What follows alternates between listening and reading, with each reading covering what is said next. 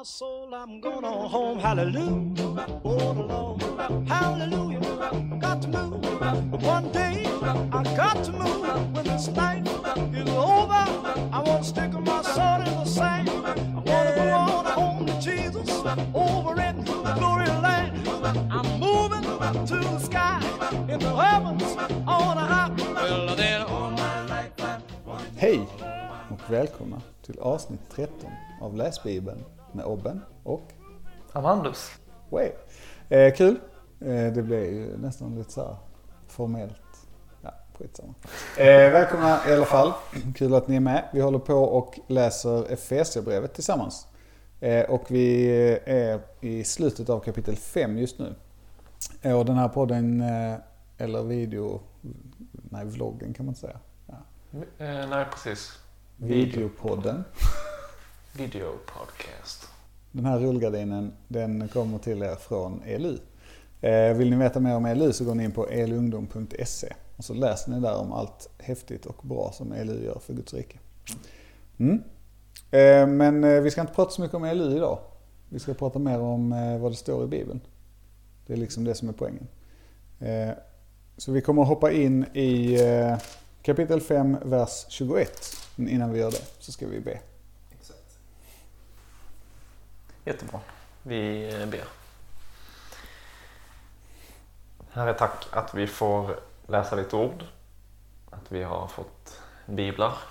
Att vi också kan få möta dig genom det vi läser. Vi ber Gud att du hjälper oss att förstå. Vi ber att du ska öppna våra hjärtan. Eh, och jag ber att du hjälper mig och Obben i det vi ska prata om. Hjälp oss att förstå, men också alla de som lyssnar hemifrån. Kom helige Ande. I Jesu namn. Amen. Amen. All right, då läser vi texten.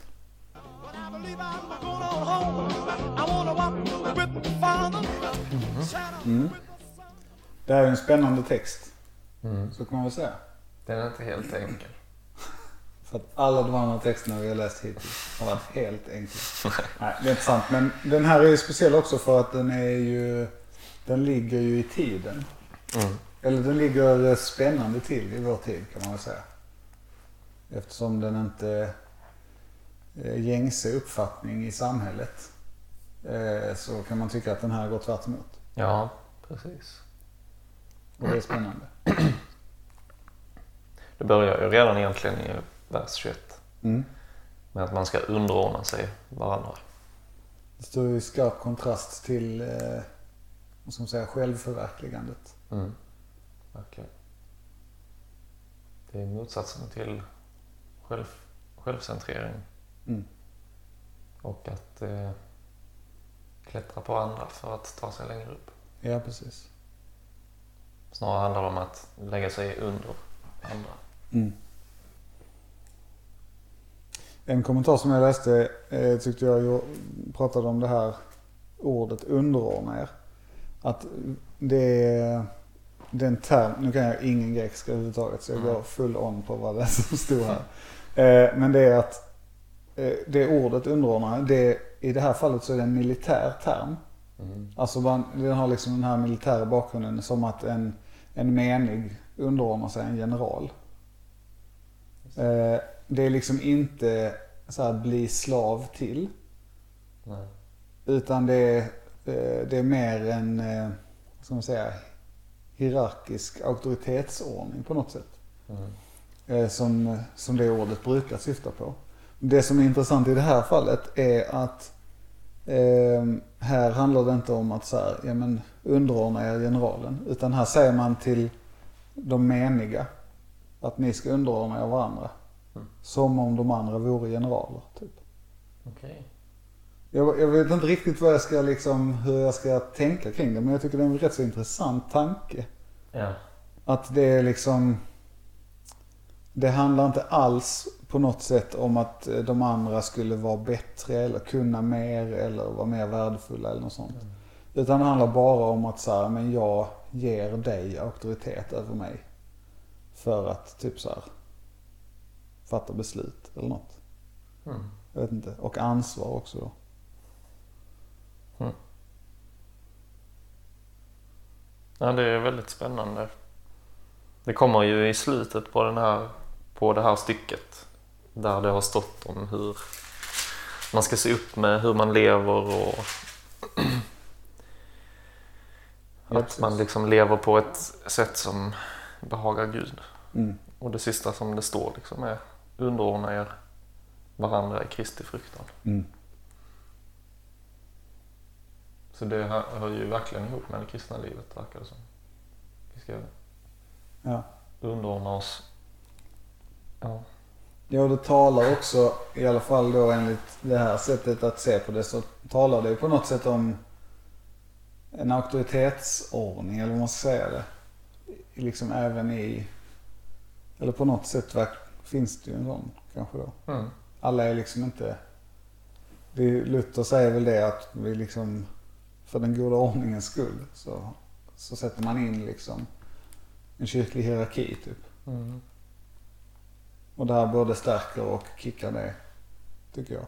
Ja, för att det står ju att vi ska underordna oss varandra. Alltså alla ska underordna sig varandra. Ja, Det är inte att du ska underordna dig under din eh, präst.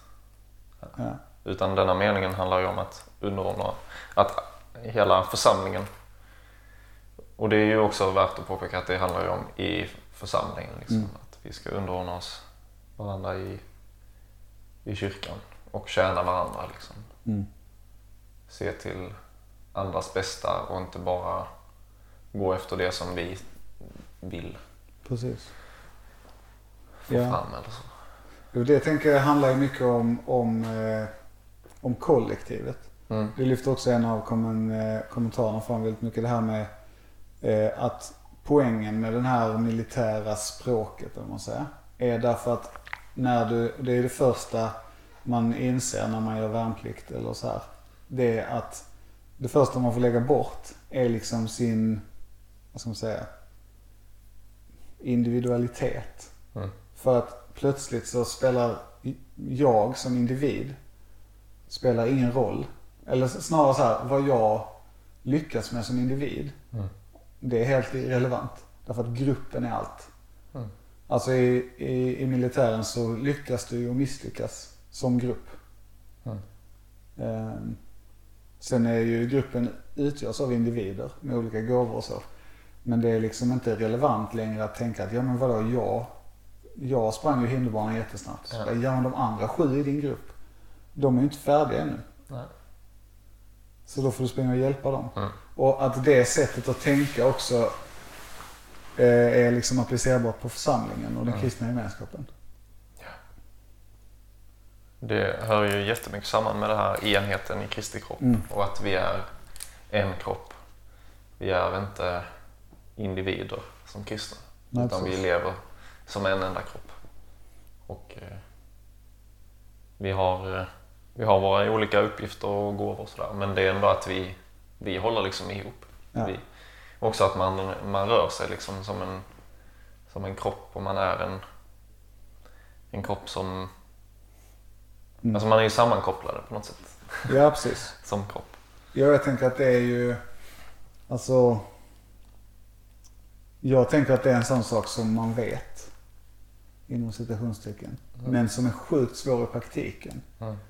Också därför att samhället runt om oss, just i den tiden vi lever i nu, pratar ju, alltså det är ju ett individualistiskt samhälle som pratar till individen.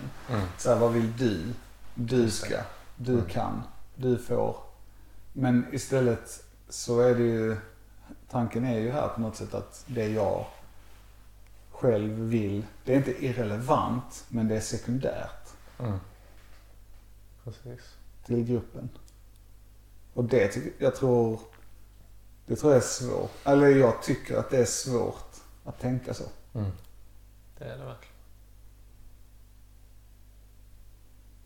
Det ligger ju väldigt nära till hands liksom. Bara ens, ens egen eh, en vinning, ens egen eh, liksom ens egen lust. Mm. Det man själv vill ha och det man vill göra. Ja. Så det tar ju emot lite att läsa det tycker jag. För att man känner liksom att det är inte jag är kanske inte den som är jag är inte den som gör, som lever på detta sättet. Eller så. Nej, precis. Men det är ju en utmaning då Ja, verkligen. att leva efter. Och jag tänker att det som är det viktiga, eller liksom det viktiga, men allt är viktigt. Men poängen liksom kommer ju också här i slutet, underordna er varandra. Punkt. Mm. Nej, det är inte punkt, utan underordna er varandra i Kristi fruktan. Och det är det som är lösningen på något sätt. Att, och för det kommer sen, vi kommer se det i styckena också i början på kapitel 6. Mm. Så all, allt man ska göra här, alla de buden liksom, eller som Paulus kommer med här. De är ju utifrån att man fruktar Gud. Att Mm. det är liksom för Guds skull, eller man Mm. säger. Alltså eftersom vi är i Kristus. Det innebär också att den här enheten, den här eh, liksom eh, underordnandet som sker därför att vi ska vara en grupp istället för individer. Mm. Den gruppen knyts ju samman därför att vi alla är i Kristus. Det är det det innebär att vara kristen. Mm. Och det, alltså det är så sjukt viktigt perspektiv tycker jag. För att det innebär ju att jag behöver inte tycka som alla dem i min kropp eller min grupp. Jag behöver inte tänka precis som dem. Och vi behöver inte ha samma gåvor, vi behöver inte ha samma intressen. Därför att det är, vi har det som är överordnat i allas våra liv. Det är ändå det som knyter fram samman Mm. Just det. Precis. Tänker att den, den största förebilden vi har också är ju Jesus. Mm. Som, trots att han är, han är Gud och han är liksom allas Herre egentligen. Och allting är skapat till honom, för honom och genom honom. Ja. Eller i honom, eller vad det står. Men ändå så blir Jesus liksom människa. Och inte bara det, utan han, han går också ner och liksom tvättar sina lärjungars fötter. Mm. Eh, och allt annat som visar på hans eh, eh, ödmjukhet. Liksom. Mm. Och sen då slutligen att han ger sitt liv också. Men det är, ju en, det är ju Jesus vi har som förebild där. Det kommer vi väl in på också. Mm. Ja, för att om denna versen är eh, allmän. Mm. Så sen kommer det ju eh, några stycken. Ett om äktenskapet, ett om barn och föräldrar och ett om slavar och herrar sen. Som är liksom mer specifika Mm. till personer. Och det är nu the drama begins, potentially. Mm. Ehm, eller ja, vad ska man säga? Det- Vi har precis suttit och sagt att det här är först 21 är jättejobbigt och påverkar. Ja. Men 22, ni hustrur underordnar er era män så som ni underordnar er Herren. Mm. Och sen kommer det här med att en man är sin hustrus huvud, Kristus är församlingens huvud. Och sen kommer ni män älskar er hustrur så som Kristus älskar församlingen.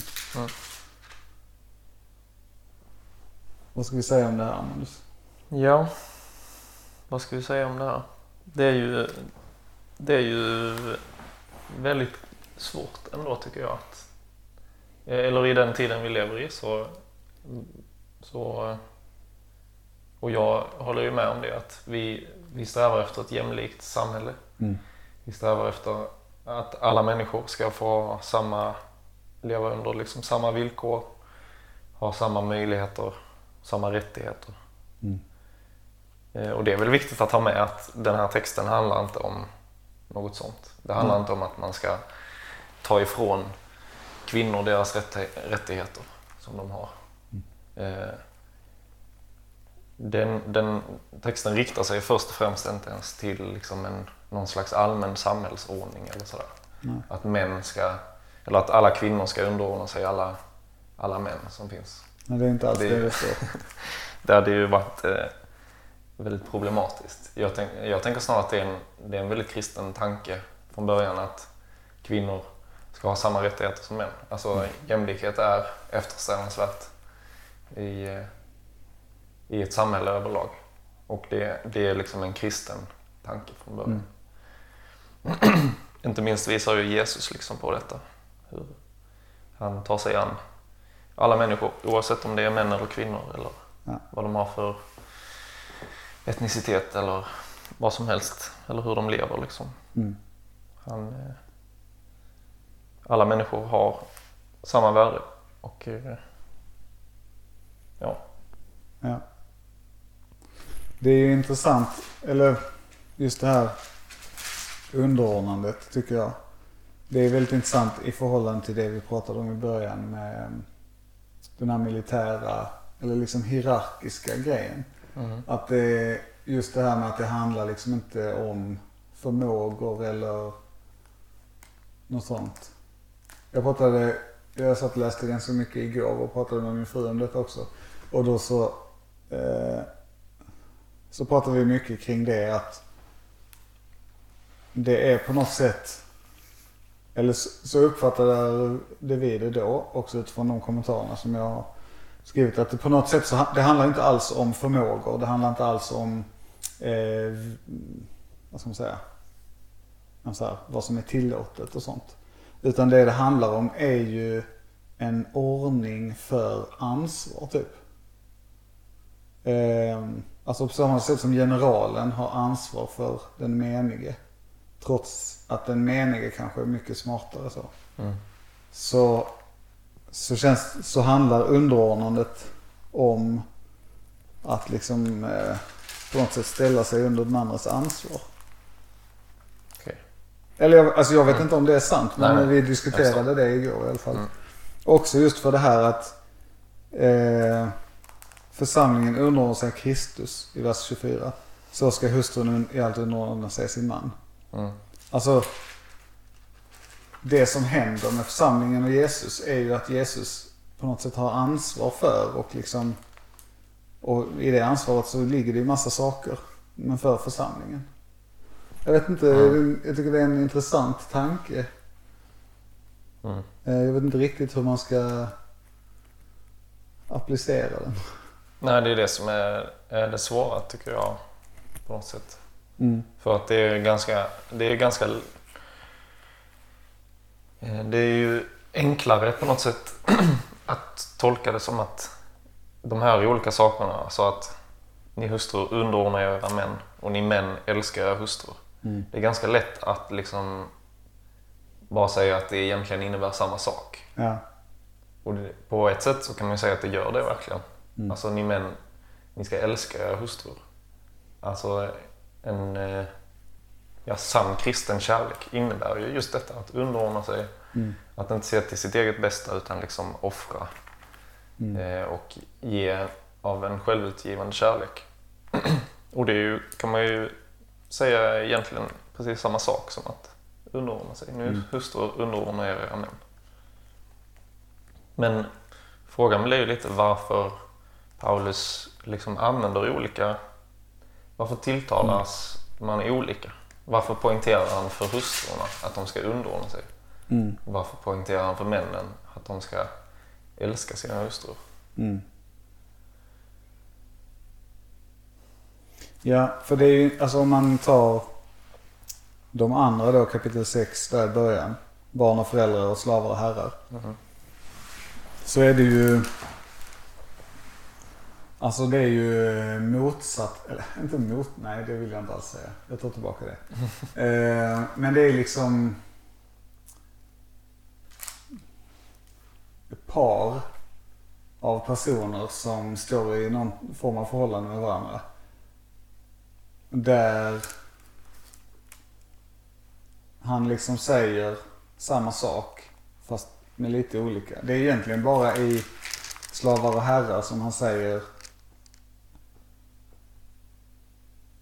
att ni ska handla på samma sätt. Mot varandra. Men för i barn så är det barn lyder era föräldrar, det är rätt och riktigt. Och fäder, rätta inte upp era barn, fostra för mannen i Herren. Och sen kommer ju slavar så är det lyd och vördnad och uppriktigt hjärta som ni lyder Kristus. Tjäna villigt. Och sen kommer herrar handla på samma sätt mot deras slavar, upphör med att hota.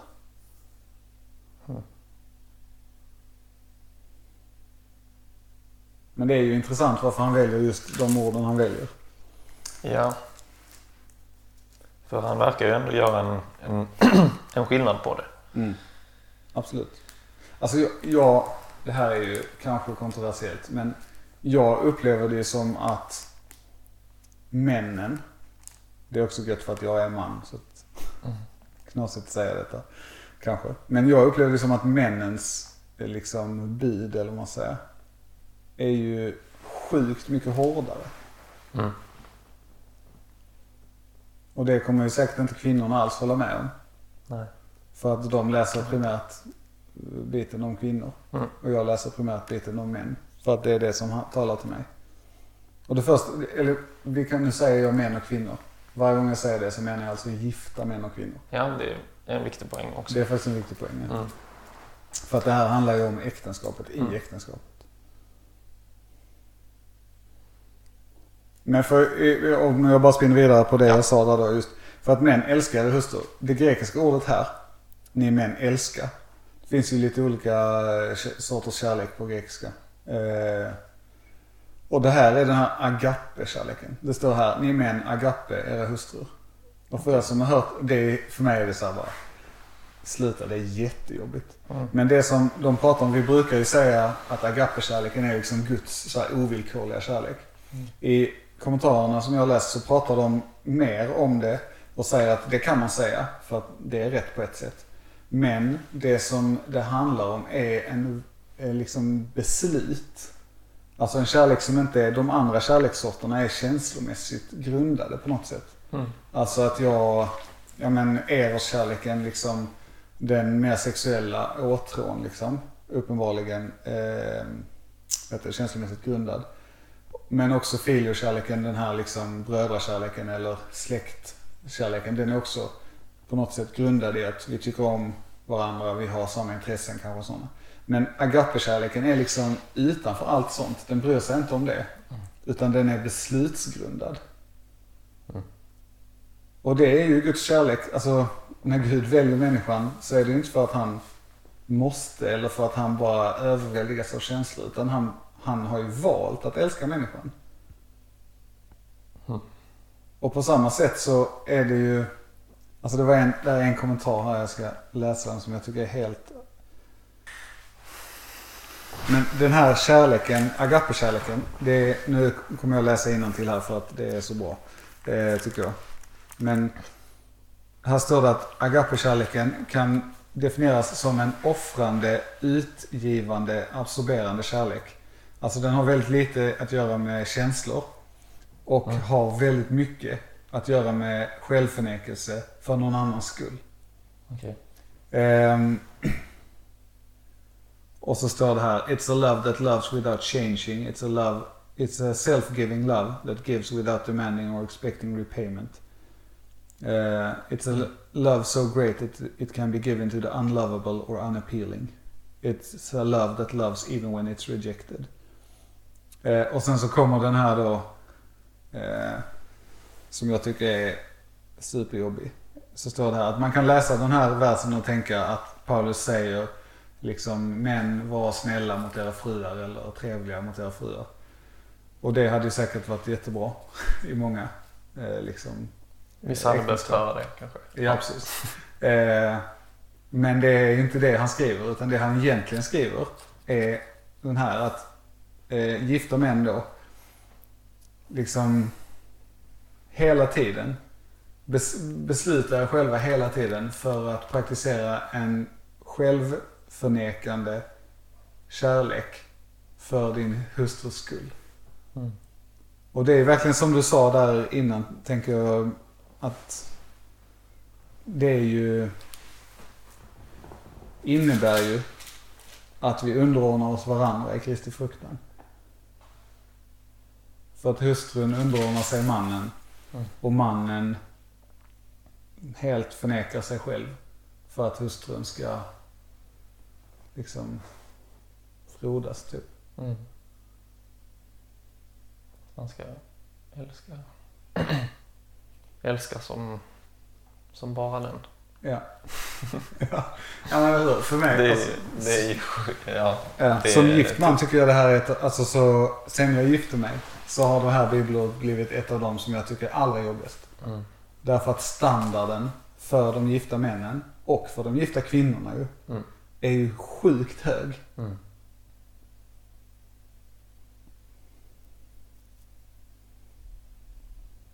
Ja, verkligen. Det är ingen enkel grej. Det känns sjukt att man har gift sig Ja, när man tänker på detta. Typ. ja men lite så. Ja, hur, hur tänkte jag där? När jag, ska, när jag ska leva upp till detta. Ja. Men då, för då skriver de också mycket i de här kommentarerna om att när vi, alltså även vi kristna idag, vi ser ju på äktenskapet på många sätt som världen gör. Alltså att man säger, men vi vill ha det här romantiska, fina, liksom, vi ska tycka om varandra och så. Och det är ju bra. Mm. Men det vi egentligen borde leta efter på något sätt är ju en person som, där vi kan göra detta. Mm. Alltså min fru behöver vara en person som jag kan eh, liksom praktisera det här självutgivandet gentemot. Mm. Och eh, min man då, om jag är kvinna, behöver vara någon som jag kan liksom så här underordna mig. Mm. Eh, och ge upp mitt eget liksom Man. Man kan lita på Ja, precis. den Man kan personen lita så på den pass personen. mycket. Ja. Och inte på det sättet att så här, ja men jag eh, liksom underordnar mig när det är Guds vilja. För att då blir det ju som att då ska man ändå godkänna allting. Mm. Och så underordnar man sig inte alls. Utan det, från båda hållen behöver det ju vara och samma sak för mannen då. Det kan ju inte vara att så här, bara, ja, ja men kvinnan ska underordna sig men jag ska älska, ja, men jag vet vad som är bäst. Mm. Oavsett vad hon tycker om det. Så är det att älska det här. Är- är- är- Eller att älska är alltså det här som jag tycker. Nej, okej. Det är ju inte heller kärlek. Nej. Alltså, Precis. så fundera innan ni gifter er på vad sören är ni ger er in på. Mm. Jag tänker det är också viktigt den här poäng, eller när det liknas vid Kristus och församlingen. Mm. Att de är liksom så nära sammankopplade. Alltså det är också någonting, det här att vi är liksom ett, som Mm. Kristus och församlingen är ett. Mm. Så är vi liksom ett äktenskap så är man också ett. Mm. Mannen och kvinnan. Och det innebär ju också att vi man lever på något sätt eh, jag vet inte om rätt ord är dynamiskt.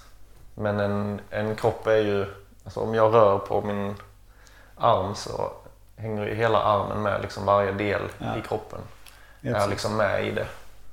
Man så är det- en enhet. Ja, precis. Vilket innebär att bara för att mannen, eller bara för att kvinnan då ska underordna sig sin man så innebär inte det att mannen ska liksom gå runt och bestämma och liksom Mm. köra med kvinnan på något sätt. Utan jag tänker att det är ändå en viktig grej att man är ett.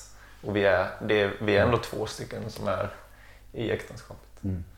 Alltså det finns, det är ju igår, jag sa det till Amandus innan men igår när jag satt och läste på det här och så läste kommentarerna så var det en vers som fick mig att luta mig tillbaka och göra så här. Nu ser jag inte ni som lyssnar men ni hörde i alla fall att mitt huvud sprängdes. Eh, för att, och det var ju en översättning då som i min bibel så står det så här.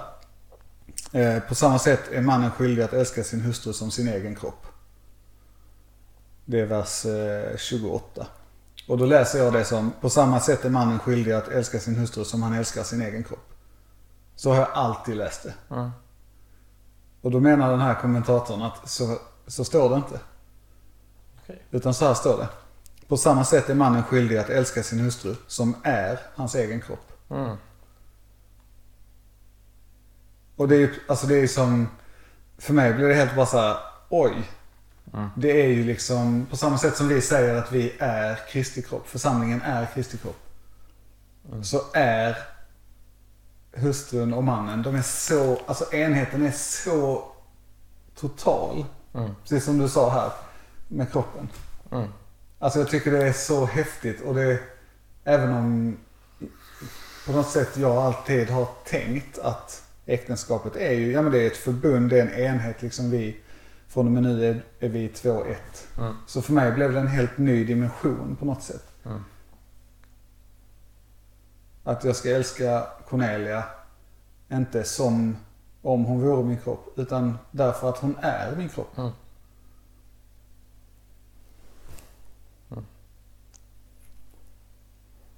Det är just det här med de två ska vara ett kött som kommer sen i vers 31.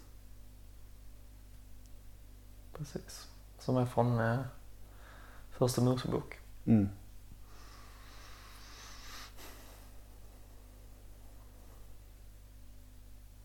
Jag tycker det är, det, är, det är så tufft på alla håll. Mm. Men det handlar ju på något sätt i grunden om vardagsförhållandet till varandra. Där vi hela tiden, där kärleken och det här kontinuerliga underordnandet är det vitala på något sätt. Mm. Alltså det är det, krist, det kristna livet i sin essens är ju det. Mm. Precis. Men jag känner ju att jag, man vill eh, konkretisera det. Ja. Alltså det, jag tänker ändå bara, okej men om det är så här.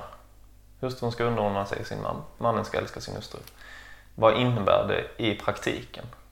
Mm. Alltså, Paulus gör en skillnad. Men vad är skillnaden egentligen? Alltså hur ter det sig i vardagssituationer? För att det handlar ju inte om att Alltså jag kan inte bestämma för min fru vad hon ska ha för fritidsaktiviteter eller vad hon ska ha på sig. Alltså det är inte, jag tänker ju verkligen inte det är så man tolkar den här texten. Nej, det känns orimligt. Helt klart. Eller... eh, Ja, jag vet inte. Men för det, jag tänker att det finns en nyckel i vers 24, kanske. Eh, som församlingen underordnar sig Kristus ska hustrun i allt underordna sig sin man. Där är ju potentiellt eh, jättejobbigt. För att ska hustrun i allt underordna sig sin man. Ja, Ergo, du får bestämma vad din fru ska ha på dig. På sig. På dig. ja, eller hur hon ska leva eller... Ja, precis. Så det känns väldigt konstigt att jag skulle ta de besluten när hon är en fullvärdig människa som kan ta Ja. egna beslut. Men då är ju frågan, på vilket sätt underordnar sig församlingen Kristus? Mm. Jo, det gör de ju i allt. Därför att Kristus har liksom på något sätt inriktningen. Eller det är han som har gjort allt. Jag, alltså, nu tänker jag högt. Jag vet Ja. inte, jag kommer liksom inga slutsatser. Men mannen är ju inte Jesus. Men mannen vill ju vara som Jesus. Ja, det ska ju Det är ju det som vara kommer sen. strävan, ja. Precis. Ehm, så frågan är ju om det är liksom... Okej, jag tar tillbaka det här att det fanns en nyckel här. Jag bara tänkte det, men här stod ju någonting om. Tyckte det var bra. Det blir ändå komplext och svårt. Alltså man kan ju... eh, och Församlingen som, som församlingen underordnar sig Kristus. Alltså Mm. vi har ju... Som kristna så ser vi Jesus som liksom... Det är honom vi sätter vår tillit till. Ja. Det är honom vi litar på och litar på att han leder och bär och har liksom Mm. gjort allt. Men är det det det handlar om att hustrun ska lita på och tänka att ja men min man vet bäst. Alltså det, jag tycker det ändå känns lite konstigt. Ja, alltså. Ja, jag tycker både ja och nej. för att det känns väldigt konstigt. För att det finns många områden i mitt liv där jag uppenbarligen vet mycket sämre än min fru. Ja, precis. Ehm, men å andra sidan, om jag praktiserar självförnekelse för min frus skull. Mm. Så kommer ju... Alltså då kommer jag ju alltid att lyssna på vad hon har att säga. Mm. Där hon, inte bara där hon vet bättre. Frågan är ju om Paulus är ute efter en, den här liksom, mannen har sista ordet tanken. Mm. Eller inte. Nej, precis. Jag, jag, tror nog, jag tror det är svårt att liksom göra upp en eh, lista och säga att Mm. detta är... Den här texten menar att det är mannens uppgift att sköta dessa och dessa och dessa grejer, delarna i hemmet. Typ. Mm. Och kvinnan ska ha dessa och dessa delar. Det Men- tycker jag är svårt att tolka Ja, ur den här texten. Men om man tänker så här. Okej. Ehm, församlingen un- underordnar sig Kristus. Jo men det är, det är precis som du sa innan. Det har vi litat till. Han har gjort allt för oss. Men. Jesus säger ju aldrig, alltså han, han detaljstyr ju inte. Nej. Hela bibeln är ju ett enda stort inte detaljstyrande. Ja, Eh, för att det är liksom så här, buden är inte älska din nästa genom att eh, ge tionde. Ta disken. Nej, precis att ta disken. Utan budet är älska. Mm. Och sen så får liksom varje person på något sätt, sen har vi olika gåvor, olika personligheter, olika möjligheter. Mm. Och så handlar det om att ta, att förvalta det vi har fått på något sätt. Kan man tänka då att det är på det sättet som det också fungerar i äktenskapet? Det här är ju sådana jag pratar medan jag tänker eh, Ja. grej. Att på det sättet att ah, det är så svårt för varje gång jag säger någonting så känns det som att jag behöver jämföra mig själv med Jesus och det Ja. går ju inte. Eh, men att liksom jag som man i mitt äktenskap har liksom ingen bestämmande, ingen så här detaljstyrningsbestämmande över min fru Nej. på något sätt. Eller jag, jag har liksom inte, det är inte min uppgift att ha åsikter om, eller åsikter kan jag väl ha men det är liksom inte min uppgift att bestämma det. Nej. Därför att hon är en unik individ med sina gåvor och, och personlighet så. Men att jag ändå har ansvar för den generella riktningen. Ah, Jag vet inte. Det är svårt. Det är svårt faktiskt. Nej men det, för det är också intressant hur det ligger i, alltså min fru sa igår när vi pratade om detta så sa hon just att det är ju väldigt tydligt att det ligger i ett långt stycke om vardagslivet. Alltså i eh, kapitel 4, vers 25 så är rubriken Se noga till hur ni lever. Mm. Och innan dess är det det nya livet i Kristus. Och sen så kommer liksom hur ska vi leva? Och detta är bara en fortsättning på det. Och så fortsätter det hela vägen till s- slutet på kapitel 6 handlar ju bara om vardags, liksom, det kristna vardagslivet på något sätt. Mm. Och beskriver ju den här grundinställningen av självutgivande för andras skull typ. Mm. Det är ju det det handlar om. Och det pekar mot Kristus och församlingen. Ja. Jag vet inte om vi kommer komma så... ehm, Vi har redan gjort ett dubbelt så långt avsnitt som vi brukar. Ja. Vi får... Eh,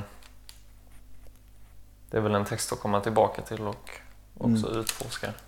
Men det är ju en extra... Det är ju ändå en extra känslig text i vår tid. tänker Ja, det är det verkligen. Som gör att den är... Den är klurigare än, de, än, än en del andra texter i alla fall. Ja, Som vi har läst. Ja men absolut. Ehm, Just för att, eller jag har i alla fall tendensen att man vill göra det så specifikt. Liksom. Man vill göra det praktiskt. Mm. Vad, vad innebär det egentligen? Men eh, det jag kanske bottnar i, eller det som jag ändå kom, vågar komma till slutsats Mm. med är att jag ska älska min hustru. Som Kristus har älskat församlingen. Ja, alltså Och då frå- bara, Ja precis. Frågan är ju om man ska tänka så mycket att man ska göra generella drag över det. Eller om man bara ska säga, okej när du är gift man, läs din del. mm, När du är Precis. gift kvinna, läs din del. mm, Och sen så skit i vad det står i den andra. Och så bara gå full on på det som är till dig. precis. Gör det som du har blivit tillsagd. Precis. så, så gör hon det som hon har blivit tillsagd. Så blir det skitbra. så blir det bra. För om båda gör sina delar så blir det väl bra till slut. Så är det. Nästa gång ska vi prata om barn och föräldrar, slavar och herrar. istället. Jag vet inte hur Eh, den avslutningen blev. Jo, jag tycker det är en bra, bra avslutning. Om ni, det här är ju potentiellt ett avsnitt som kan... Eh, jag tänker att många har åsikter om det. Och har ni åsikter, även om det är att säga att vi är dumma i huvudet. Så skick, alltså, bring it. Eh, det är jättekul att höra era tankar och om ni har någon eh, som säger att ja, men ni har ju tolkat det här helt fel. Skriv det då, förklara varför. Det är superbra, det vill vi ha. Eller, Eh, eller länka till någon kommentar eller Precis. något sånt om ni tycker Ja. hittat något annat. Eh, För att det är svårt. Och det önskar vi ju kanske speciellt nu för att vi tycker den här är väldigt svår. Men också i allmänhet. Ja, Ja, det var det för denna gången. mm. Nästa gång så börjar vi på kapitel 6. Helt enkelt. Eh, gå in på elungdom.se. Eh, kolla vad ELU gör. Ge lite pengar. Kanske en månadsgåva. Riktigt bra. Eh, om ni tycker att det är bra grejer. Tack och hej. Hej då. Ha det så bra.